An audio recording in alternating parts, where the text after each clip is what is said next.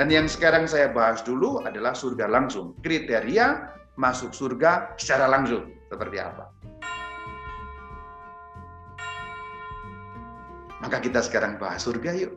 Saya akan bahas eh, tidak seperti yang sudah saya bahas, tapi saya akan membahas sedikit dalam sudut pandang yang berbeda. Tidak seperti yang ada di channel Katkit. Jadi ini sedikit agak baru pembahasannya. Meskipun juga pasti akan akan sedikit uh, nyambung yang seperti yang sudah juga. Ini belum pernah dibahas nih kriteria masuk surga ya.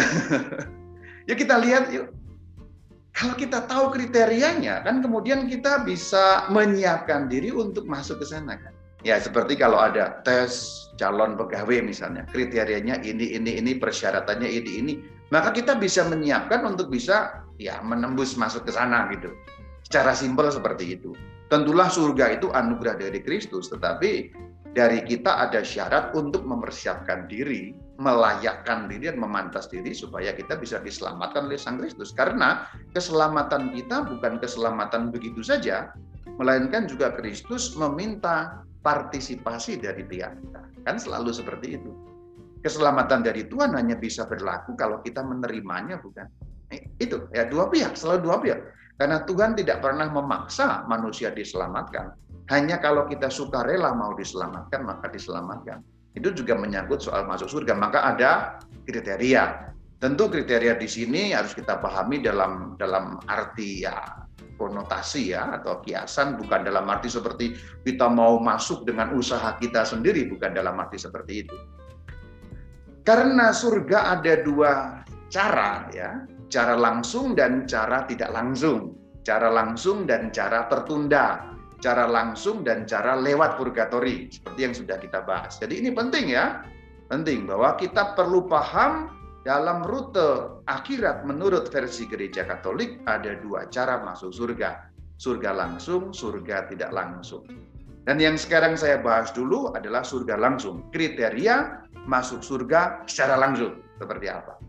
Yuk kita lihat di dalam KGK 1023. Orang yang mati dalam rahmat dan persahabatan Allah dan disucikan sepenuhnya akan hidup selama-lamanya bersama Kristus. Perhatikan, yang warna kuning, mati dalam rahmat dan persahabatan Allah. Ini kalimat yang abstrak. Tapi kalau kita konkretkan dalam wujud yang lebih konkret dan lebih sehari-hari, istilah atau frasa mati dalam rahmat dan dalam persahabatan Allah itu artinya adalah mati tanpa dosa mortal dan mati tanpa dosa venial. Malah KGK memberi keterangan disucikan sepenuhnya. Kalau Anda mau masuk surga langsung pada saat kematian, detik Anda mati masuk surga, apakah mungkin Rama? Mungkin. Gereja Katolik mengajarkan juga mungkin. Mana landasannya? Ya KGK 1023 ini.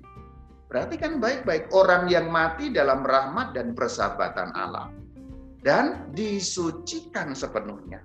Dalam bahasa versi saya yang saya jepangkan jelas dan gampangkan, orang yang mati tanpa dosa mortal dan tanpa dosa venial.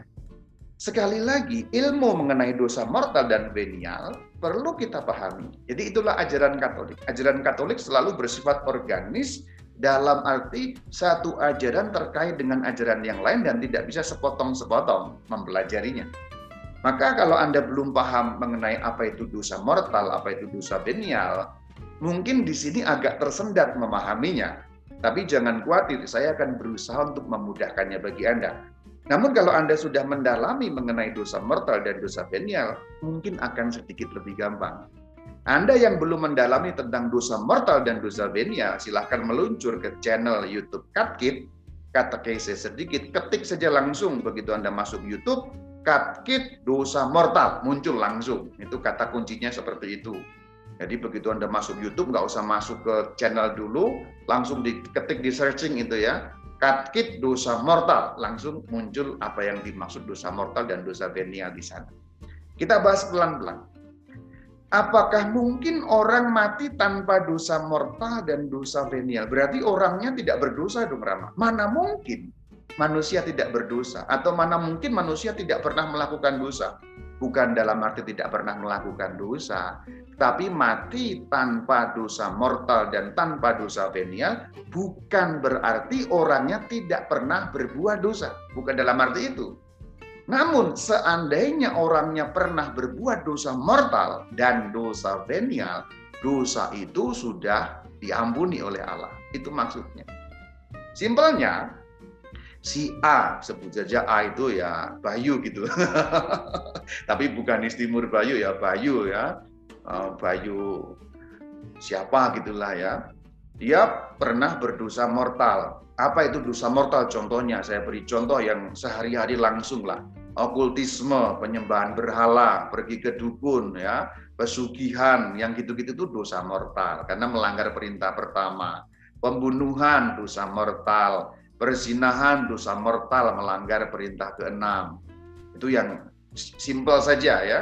Nanti Anda dalami tersendiri. Ini bukan tema kita. Nanti kalau di sini kelamaan malah repot. Nah, saya mau mengulas bagian ini dulu karena bagian ini cukup penting untuk kita elaborasi. Pertanyaannya kembali ke awal tadi, mungkinkah orang mati tanpa dosa mortal dan venial? Mungkin. Apakah berarti dia tidak pernah berusaha? Bukan dalam arti itu. Tetapi kalaupun orangnya pernah berdosa, sudah mendapat pengampunan. Kan begitu. Contoh si Bayu tadi itu pernah okultisme dan pernah bunuh orang. Berarti dia kan berdosa mortal. Nah kemudian dia masih hidup, belum mati. Dia kemudian menyesal, bertobat. Memohon pengampunan Tuhan melalui sakramen tobat. Berarti kan dosa mortalnya hilang, dihapus oleh Tuhan. Berarti dalam keadaan si Bayu yang sudah masuk ke ruang pengakuan mengalami pertobatan, Bayu tidak lagi punya dosa mortal. Dosa venial itu hilang kalau si Bayu itu mengikuti Ekaristi, kemudian juga mengikuti bagian awalnya yaitu ritus tobat. Artinya apa? Contohnya, si Bayu pernah membunuh orang tadi itu, kemudian hari Minggu kemarin dia mengaku dosa, menyesal sungguh-sungguh, setelah mengaku dosa dia ikut misa, Artinya dosa mortalnya hilang, dosa venialnya hilang, kemudian pulang dari misa, dia mati. Si Bayu itu mati tanpa dosa mortal dan tanpa dosa venial, kan begitu. Seandainya dia sudah menjalankan laku kesalehan untuk mendapatkan indulgensi, berarti dia mendapatkan indulgensi penuh, artinya dia bisa langsung masuk surga saat mati itu. Itu yang dimaksudkan mati tanpa dosa mortal dan dosa venial itu seperti itu. Pemahamannya memang tidak terlalu gampang. Ini kok bulat ya Rama ya? Ya seperti bulat kalau kita nggak paham landasannya. Ini akan tampak bulat seperti Anda belajar perkalian. Kalau Anda belum paham konsep penjumlahan, ini akan sulit. Sekali lagi, kalau Anda belum paham konsep dosa mortal dan venial, ini nggak terlalu gampang, akan membuat Anda mengernyitkan dahi. Tapi kalau Anda paham konsep dosa mortal dan venial ini sangat gampang untuk dipahami. Jadi kalau orang mati tanpa dosa mortal dan tanpa dosa venial, langsung masuk surga. Ini yang dikatakan dalam KGK 1023.